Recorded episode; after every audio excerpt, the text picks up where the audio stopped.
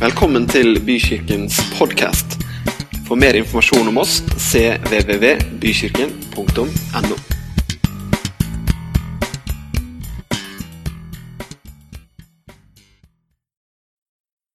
Amen. Du vet, redningsmannen er oppstanden. Du har fått med deg det? Er du helt sikker? Har du fått med deg at påskemorgen slukker sorgen? Slukker sorgen til evig tid? Ja, Det er mye visdom og det er mye åpenbaring i den linja der. Påskemorgen slukker sorgen, slukker sorgen til evig tid. Amen. Det er derfor vi er her i dag, faktisk. Så du kan få lov å sette deg ned, så skal vi dele Guds ord. Tusen takk til en fantastisk gjeng som leder oss i lovsang. De kan få en applaus.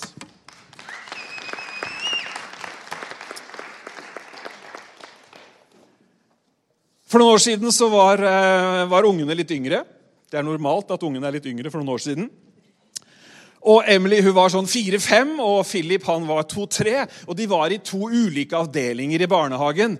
De største var oppe, og de andre var nede i Teie kirkes barnehage. Og Det var jammen godt at det var Teie kirkes barnehage når du nå hører hva jeg skal fortelle.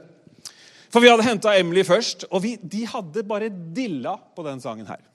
Graven er tom. Jesus ble pint helt til døden.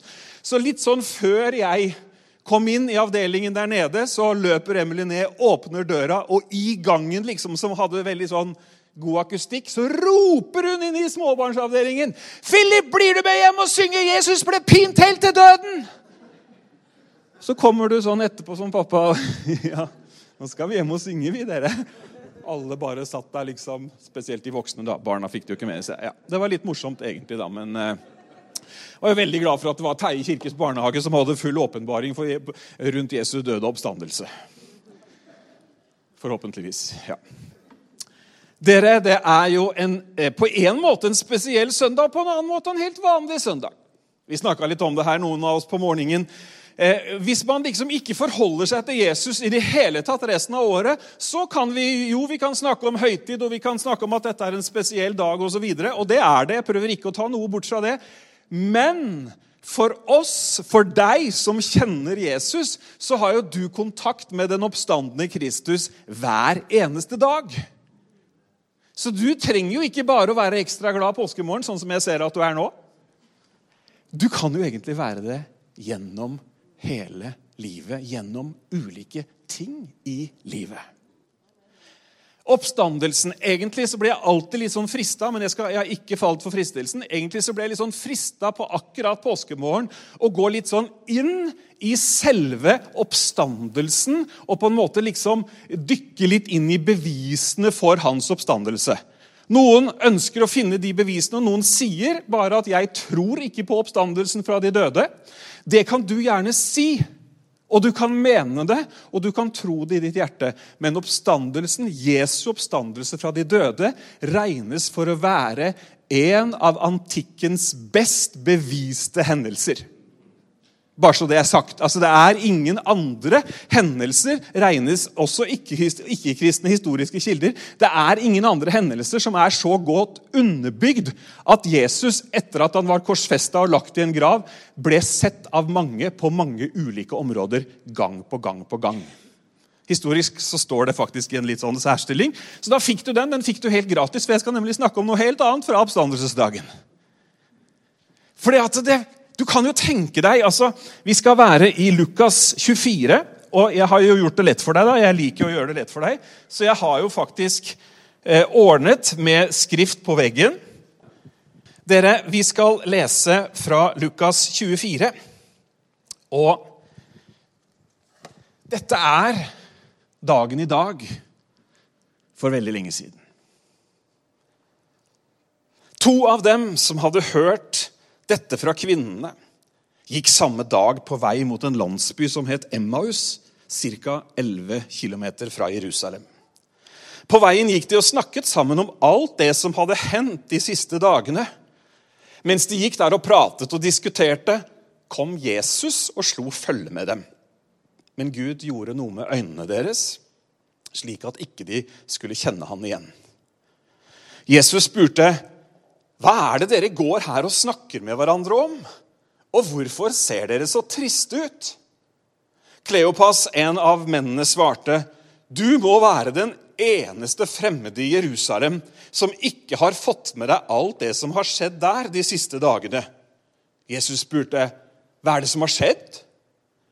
De sa, 'Alt dette med Jesus fra Nasaret.' Han var en Guds profet som forkynte budskapet fra Gud på en klar måte, og som gjorde store under og mirakler. Men øverstepresten og de religiøse lederne fikk han dømt til døden. De korsfestet ham, og nå er det tre dager siden alt dette skjedde. Vi hadde håpet at, han, at det var han som skulle befri Israel. Men tidlig i dag morges kom, var det noen av kvinnene som gikk til graven, og de kom tilbake med rystende nyheter. De kunne ikke finne kroppen hans. I stedet ble de møtt av to engler som sa at han lever. Det kom de og fortalte oss. Noen av oss gikk da til graven for å sjekke det hele, og det var nøyaktig slik som kvinnene hadde sagt. Kroppen hans var ikke der. Hva er det dere går her og snakker om, og hvorfor ser dere så triste ut? Altså, for, for et spørsmål! Hva er, det, hva, er dere, hva er det dere går og snakker om? Hvorfor ser dere så triste ut? Altså, Jesus har altså stått opp fra de døde. Oppdraget hans var fullført. Himmelens konge, Guds egen sønn, har overvunnet døden. Og så skjer det noe med øynene til disse her to. Kleopas og han andre. Så de skjønner ikke engang at det er han. Så er det Jesus gjør etter oppstandelsen, det er å slå følge med et par vanlige folk. Det kunne ha vært deg, det kunne ha vært meg. Hvis vi hadde levd i en eller annen sirkel rundt Jesus på den tiden, så kunne det vært deg eller meg som hadde fått en som gikk sammen med oss, som ikke vi klarte å kjenne igjen. Det er, ikke, det er ikke, de elleve, de som er igjen, altså Judas minus én. Det, det, er ikke to av de disiplene. Nei, det, det leser vi litt seinere om, at de, de, treffer de elleve andre. Det er en som heter Kleopas, og så er det en som vi ikke engang vil høre navnet på. Jesus oppsøkte ikke tempelet og viste seg for ypperstepresten eller liksom maktdemonstrerte hvem han ser her nå. liksom. Nei da, på ingen måte. Han dukker opp hos to vanlige disipler. Han dukker opp i en situasjon der hvor de har det vanskelig. Hvorfor hadde de det vanskelig? Jo, fordi at vi hadde jo trodd at det kanskje var han som skulle befri Israel. Jesus hadde snakka om håp, Jesus hadde snakka om framtid. Jesus hadde pekt på Gud og far og det å være en disippel og følge etter han og oppleve hans kraft og alt mulig. Og så har hele historien kuliminert med at Jesus døde og ble lagt i en grav. Greit nok. I hvert fall trist nok. Det var bare det at Nå var det ikke bare døden til Jesus som var tema hos disse to disiplene. Det var også at nå var det noen som sa at han hadde stått opp igjen. Egentlig akkurat sånn som han hadde sagt. Men det hadde de glemt akkurat da. Dere, hvor lett er det ikke? Tenk på deg sjøl. Hvor lett er det ikke at vi kan miste et håp?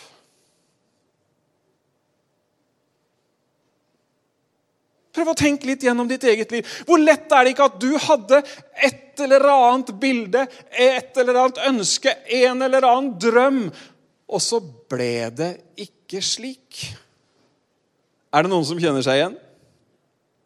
Å, det var sånn det skulle bli. Det var de der vi skulle bo. Det var det vi skulle gjøre. Det var de vi skulle gjøre det sammen med. Det var sånn livet skulle ha blitt. Men så blei ikke livet sånn. Og så kan vi kanskje ende opp som sånne disipler, vi også. Som vi liksom, ok, vi er fortsatt disipler, og vi lurer fortsatt på et og annet i denne her historien. Men vi går der, og så ser vi litt sånn sørgmodige ut, og så ser vi litt triste ut. Men vet du hva? Den oppstandende Jesus, han lever i dag. Det fikk du med deg? Han stiller det samme spørsmålet. Hvorfor går dere her og ser så triste ut?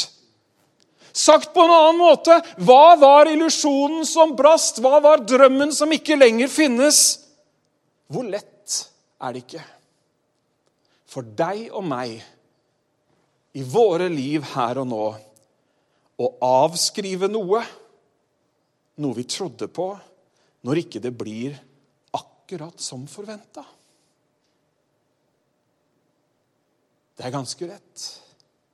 Vi finner noen forklaringer, og vi finner noen elementer som har truffet liksom vår hverdag.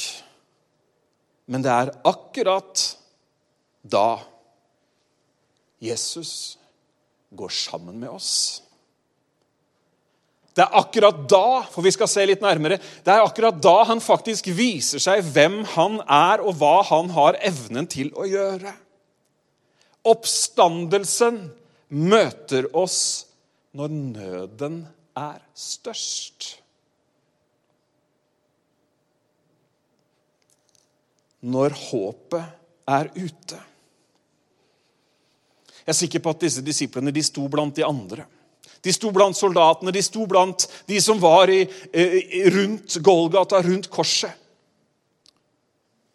Jeg er sikker på at de hørte at soldatene sa andre kunne han frelse. Kan han ikke frelse seg sjøl, da? Jeg tror ikke noen av disse ropte høyt. Men jeg tror de sto og tenkte Jesus, du har jo vekt opp Lasarus. Jesus, sønnen til kvinnen i Nain. Jesus, blinde Bartimeus. Jesus, du har jo vist at du har mulighet til å gjøre noe med en så vanskelig situasjon.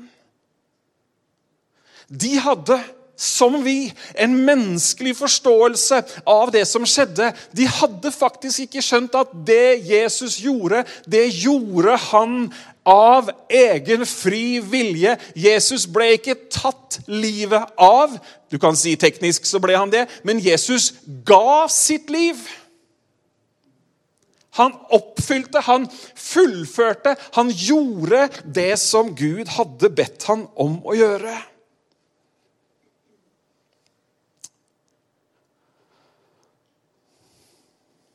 Kan du ikke bare gå ned, Jesus? Kan du ikke bare kan du ikke bare? Kunne du ikke bare? Jesus har jo sagt tidligere, når han blir pågrepet og, og disiplene prøver å ta han i forsvar, nok en gang med menneskelig kraft, så sier han at 'jeg kunne jo påkalle legioner av engler hvis jeg ville'. Og det kunne han gjort på korset også, men det var ikke det han ville. Men hvor lett er det ikke for deg og meg å fortelle Gud hva han burde gjøre? Gud, nå hadde det vært fint hvis du bare kunne mm mm, mm, Noen av dere som har Nei, Jeg trenger ikke å rekke opp hånda på det.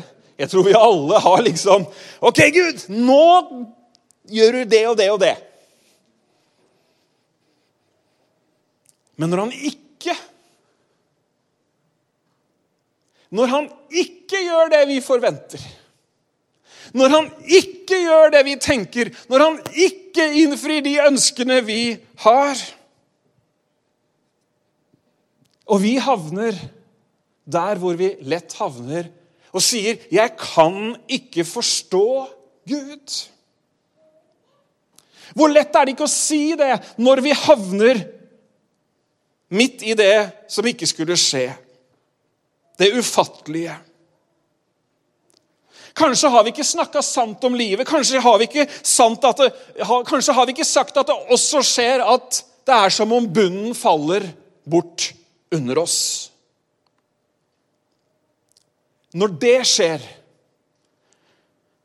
så kan det Så skal det aldri bortforklares. Og det kan heller ikke bortforklares i en eller annen tåkete teologi.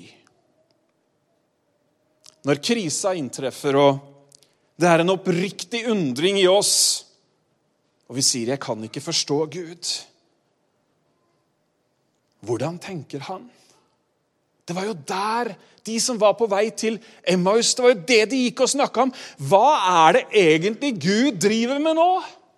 Og de har, jo, de har jo forklaringen klar til han fremmede som dukker opp. De snakker om Jesus. Han var en, en, profet fra Gud, og han gjorde mange ting. og De hadde egentlig erfaringsbakgrunn, men akkurat nå så skjedde ikke det som de ønska å skje. Jeg kan ikke forstå Gud. Hva tenker han? Kanskje må vi stille et stort spørsmål som jeg i dag stiller, og så kan du tenke ut svaret.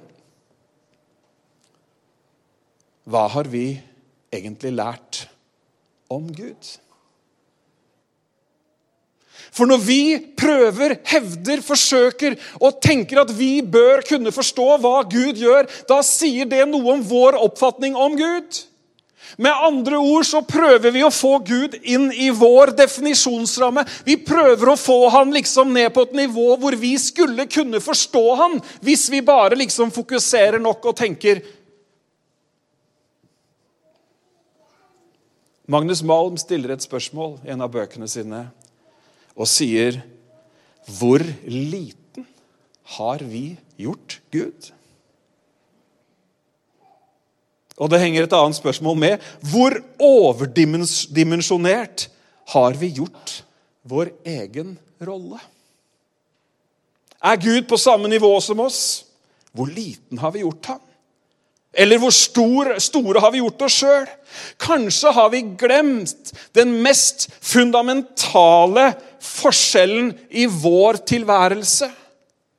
Forskjellen mellom skaperen og det skapte. Det er en forskjell mellom skaperen og det skapte. Han er større enn oss. Ja, han er mye større enn oss. Hvor liten har vi gjort Gud?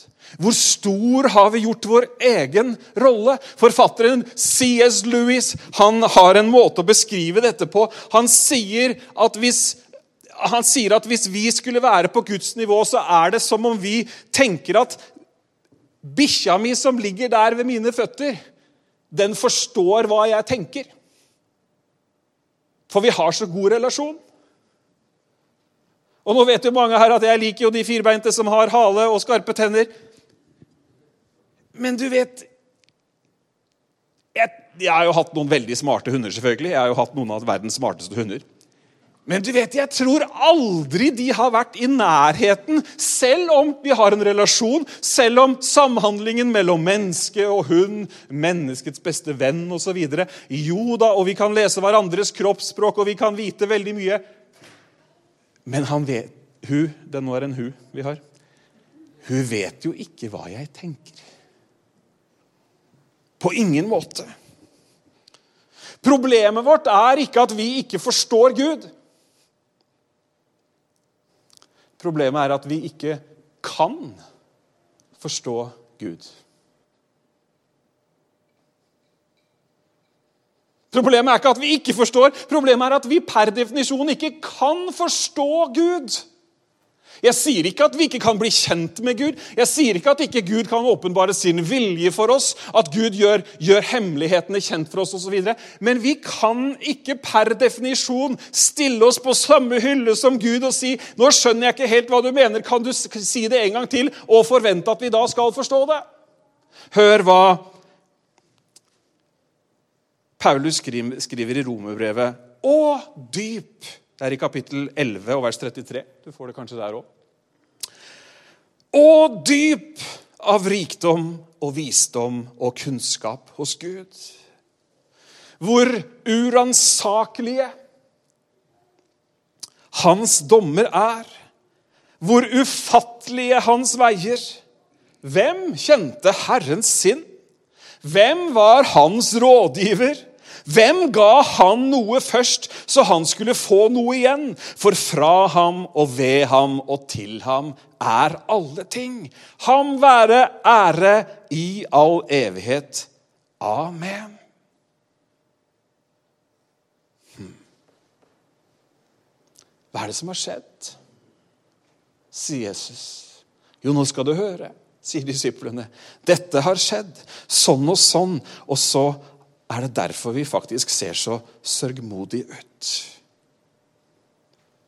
Men så hadde damene som hadde vært ved graven, de hadde fått en beskjed. Og Den hadde de også fortalt til disiplene. Det var en engel der som sa, 'Hvorfor søker dere etter den levende blant de døde?' Husk på hva han sa da han talte til dere. Og så står det litt tidligere, og de husket hans ord. For det er nemlig det Jesus gjør når han går der på veien, sammen med deg og meg, nei, jeg mener sammen med de som er på vei til Emmaus. Han peker nemlig på noe av det som allerede har vært sagt, for å hjelpe dem til å skjønne hvem de egentlig har med å gjøre. Vi leser videre i Lukas 24. Men da sa Jesus til dem så lite dere forstår, og så trege dere er til å tro på alt det som står skrevet i Skriften. Profetene har jo forutsagt dette. Var det ikke slik at Kristus måtte lide, og at han etterpå skulle bli æret og opphøyd? Så begynte han å legge ut for dem om alt det som var forutsagt om han. Han begynte med Moses og fortsatte å forklare alt som var skrevet om ham av profetene. Slik forklarte han skriftene for dem. Jeg syns Jesus er nesten litt sånn for direkte. Så lite dere forstår, og så trege dere er til å tro på alt som er skrevet i Skriften. Og så er det akkurat som han sier, ja, men folkens, har dere, har, dere, har dere, glemt hva Jesaja sa, eller? Har dere glemt altså, Dere skjønner det at det, Jesus, mens han levde, så oppfylte han mellom 300 og 400 profetier. Altså 300-400 detaljerte ting som var sagt om han i Det gamle testamentet. Det oppfylte han mens han levde litt over 30 år på jorda. Ikke nok med at han gjorde det i løpet av de 30 åra, men på sin dødsdag så var det ca. 29 profetier som Der var det gjort. Da hadde de rett. Så Jesus han, han peker på at ja men, ja, men hallo, altså alt som er skrevet. Profetene har jo sagt. Altså Jesus han begynner i første Mosebok. Og du vet det er fristende, men jeg skal ikke det. Jeg har en liste med sånne gamle, gammeltestamentlige profetier her. Du vet Det står at det står hvilken, I første Mosebok så står det hvilken slekt han skulle fødes fra. Alt står der. Det står at det var Betlehem. Det står at det var en jomfru. altså Hundrevis av år før det skjedde, så sa profetene at det skulle skje. Så Jesus er jo litt sånn der Unnskyld meg, men har dere litt tregt for det? Unnskyld meg, men uh, hukommelse Har du begynt med sånn derre jeg, jeg, fikk noe sånn reklame her på sånn forfriskning for hjernen.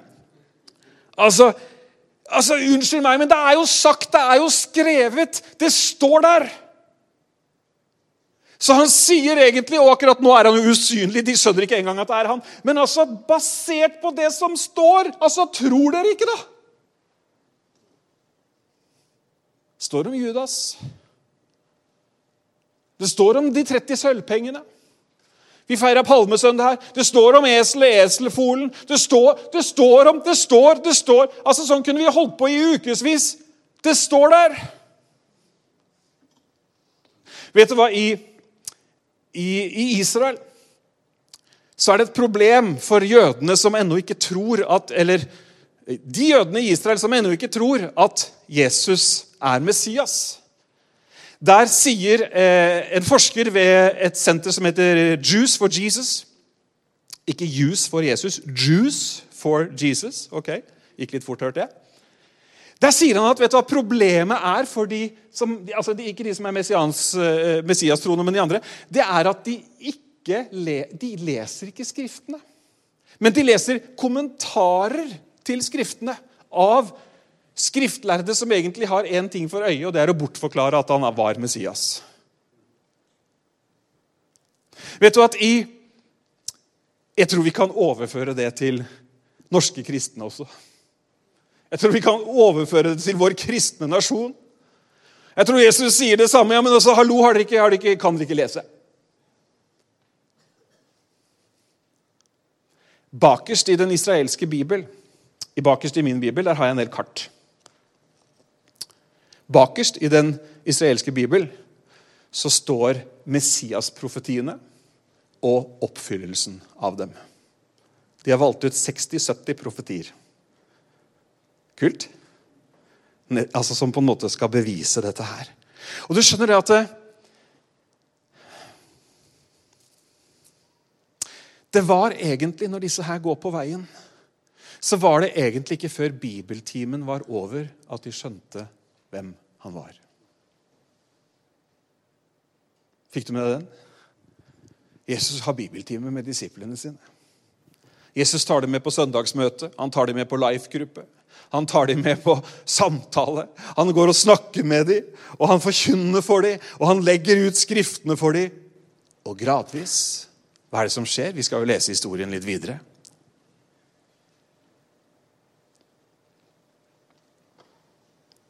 Ja, Vi kommer til den om lite grann, men Nei, vi, kan gå, vi kan hoppe til neste bilde. Har du,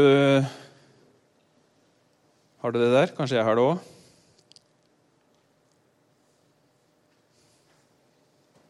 Der, ja.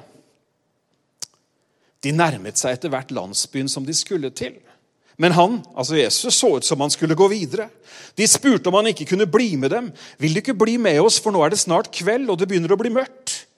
Da ble han med dem hjem. Du vet, Det er en bare sånn eh, lite gratistips. Det å be med Jesus hjem, det er veldig lurt. Kjempelurt. Handler om å ta han inn i det innerste. I denne kulturen så var det å spise sammen det sterkeste uttrykk for fellesskap. Det var aksept. Det du hørte, du ville, ville være den andre nær. Da ble han med dem hjem. De lagde kveldsmat, og da han hadde satt seg til bords, tok han brødet, brød, øh, løftet det opp og velsignet det. Deretter delte han brødet i biter og ga det til dem. Da kjente de ham straks igjen. Og øynene deres ble åpnet, så de kunne se at det var ham. Men i samme øyeblikk ble han borte og forsvant fra dem. Da sa de til hverandre, 'Vi burde ha forstått at det var ham.' Hvorfor det? Jo, for de hørte ordene om ham. De hørte forkynnelsen, de hørte skriftene, de hørte Moses, de hørte Jesaja, de hørte Esekiel, de hørte salmene. Vi burde ha skjønt at det var ham, for vi ble varme om hjertet da han snakket til oss. Brant det ikke i oss da han snakket med oss på veien hit, da han forklarte skriftene for oss? De skyndte seg tilbake til Jerusalem for å fortelle dette til de elleve disiplene og de som var sammen med dem. Da de kom dit, fortalte de hva de hadde opplevd. Herren er virkelig oppstått, og han har vist seg for oss. Så fortalte de om det som hadde hendt på veien, og om hvordan de hadde gjenkjent ham da han delte brødet for å gi det til dem. Hm. Det var etter bibeltimen at de skjønte hvem Jesus var. Det var etter bibellesningen, det var etter skriftutleggingen. Og Nå er ikke dette et slag for at du skal bli skriftlærer eller at du skal studere teologi. Dette her var vanlige folk. Og du vet, Bibelen er gitt oss til vanlige folk, sånn at vi allikevel skal kunne forstå hvem han er. Men så syns jeg det er noe nydelig med dette som skjer, for det er når han kommer inn hos dem, og når de spiser sammen, at lyset går opp. Vet du hva? Fellesskap, det gir åpenbaring. Fellesskap gir åpenbaring. Å være med Jesus, være der hvor han er, høre ordene om han, det gir åpenbaring. Lyset gikk opp for dem. Det er i fellesskap med Jesus at du ser hvem han virkelig er. Du ser ikke hvem han virkelig er i den akademiske analysen, men du ser hvem han er i etterfølgelsen. Vi burde ha forstått det når han forklarte Skriftene. Vi ble varme i hjertet. Og så skal vi lese videre. Mens de sto der og talte om alt dette, sto Jesus plutselig der midt iblant dem. Han sa, Fred være med dere. Ja, det var jo et passende utsagn når plutselig en person dukker opp av intet. I Matteusevangeliet så, så sier han noe før han sier fred. Det han, første han sier der i Matteus 27, er 'Fry dere'. Som et sånt direkte svar på det han har, han har stilt spørsmålet. ikke sant? Hvorfor ser dere så sørgmodige ut? Fry dere, og fred være med dere! Da de ble så forskrekket og livredde at de trodde de så en ånd. Men da sa han til dem, Hvorfor er dere så forvirret? Og hvorfor ser dere så tvilende på meg? Det er virkelig jeg. Kom og se på hendene og føttene mine, at det virkelig er jeg. Ta på meg og kjenn at jeg er av kjøtt og bein. Jeg er ingen ånd. Ja, jeg tror at oppstandelsen kanskje skjedde eh, i en åndelig betydning, og at Jesu ånd levde videre. Han sa noe annet sjøl. Og, og, og, liksom som om ikke dette her var nok, så liksom så, så, så, viste han hendene og føttene sine. Disiplene var over seg av forundring og glede, sånn skrekkblandet fryd, men synes fortsatt at det var vanskelig å tro at dette var sant. Derfor spurte han har dere noe mat her. Der forsvant helligheta. Han var sulten. Jammen har han kjøtt og blod. De gav ham et stykke stekt fisk og litt av en honningkake. Dette spiste han rett foran øynene på dem. Tydeligere kan det vel ikke bli? Midt i skrekkblanda fryd så er beskjeden klar. Fred være med dere! Fysisk oppstått! Jeg spiser! Så sier han videre til dem. Så sa han til dem. Husker dere ikke at jeg fortalte dere mens jeg fremdeles var sammen med dere? Han har sagt det før, vet du. At alt det som er skrevet om meg, og så tar han regla igjen Moseloven, profetene og salmene, måtte bli oppfylt. Du vet, Egentlig så skulle det ikke være en overraskelse for disiplene at Jesus ble tatt. Ikke at han ble hånet, ikke at han ble utstøtt, ikke at han ble spottet, ikke at han ble korsfestet, ikke at han ble lagt i en grav, ikke at han sto opp igjen på den tredje grav. Altså, Egentlig så burde ikke dette vært en overraskelse i det hele tatt, for de hadde jo lest boka. Men de hadde ikke trodd at det var sant. Så trege dere er til å tro. Det er jo skrevet! Det, profetene har jo talt. Så gav han dem visdom og åpenbaring og hjalp dem til å forstå det som sto skrevet i Skriften. Er ikke det en nydelig setning? Så ga han dem visdom og åpenbaring og hjalp dem til å forstå det som sto, sto i Skriften. Du vet, Den bønnen der ber jeg omtrent hver eneste søndag, eller i hvert fall i løpet av uka. Så ber jeg akkurat den bønnen, om ikke ordrett, men jeg ber for samlingene våre. Og så sier jeg, kjære Gud, må du komme med en sånn ånd av åpenbaring, sånn at folk skjønner hvem du er. Ånden av åpenbaring, sånn at vi skjønner hvem han er. Den skjer ved Skriftene, det som er sagt om han.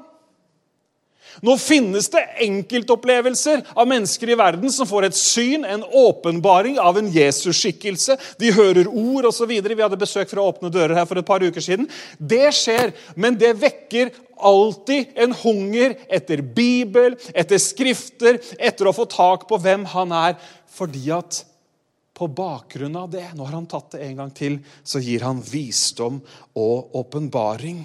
Og hjalp, hjalp dem til å forstå det som sto skrevet i Skriften. Her er et spørsmål. Kunne du tenke deg visdom og åpenbaring, sånn at du forstår det som Skriftene sier om Jesus? Kunne du tenke deg det? Han svarer inni deg. Jeg vet hva svaret mitt er. Ja, det har du betalt for å si. Kan du si ja, det har jeg. Men selv før jeg fikk betalt. Jesus kommer der hvor vi har mista motet.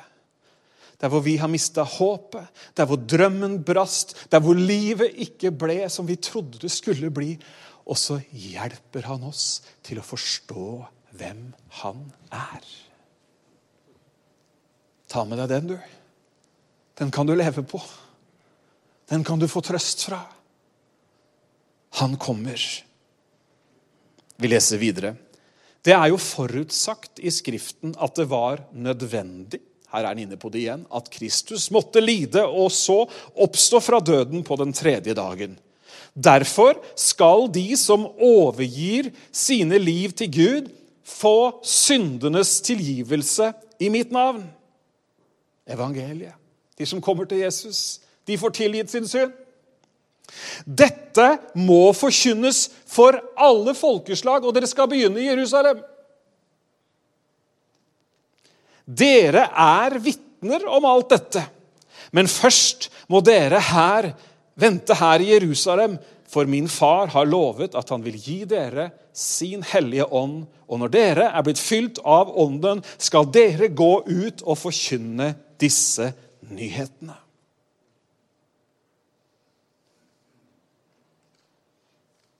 Oppstandelsessøndagen er også oppdragsdagen. Oppstandelsessøndagen var aldri ment å ende som et glassmaleri. Men nei, med en klar beskjed dere skal begynne i Jerusalem. Vi har fått et oppdrag. Vi som har tatt imot Han i livene våre. Vi som har tatt imot syndenes tilgivelse. Vi som er vaska rene pga. Jesu blod. Vi er blitt gitt det mest dyrebare budskapet av alle, som vi skal fortelle videre.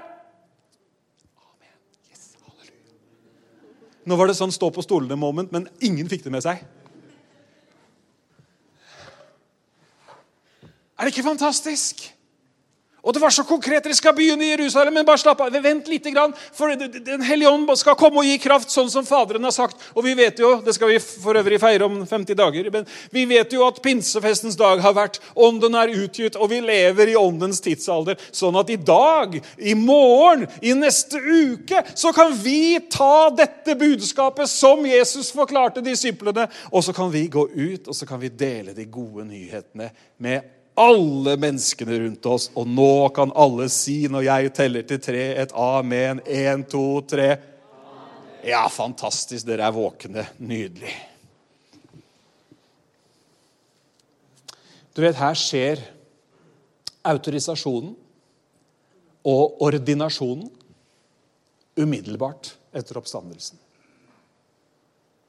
Vi har fått oppdraget, og det gjelder oss også i dag. Amen. Nå skal vi dele Herrens måltid sammen.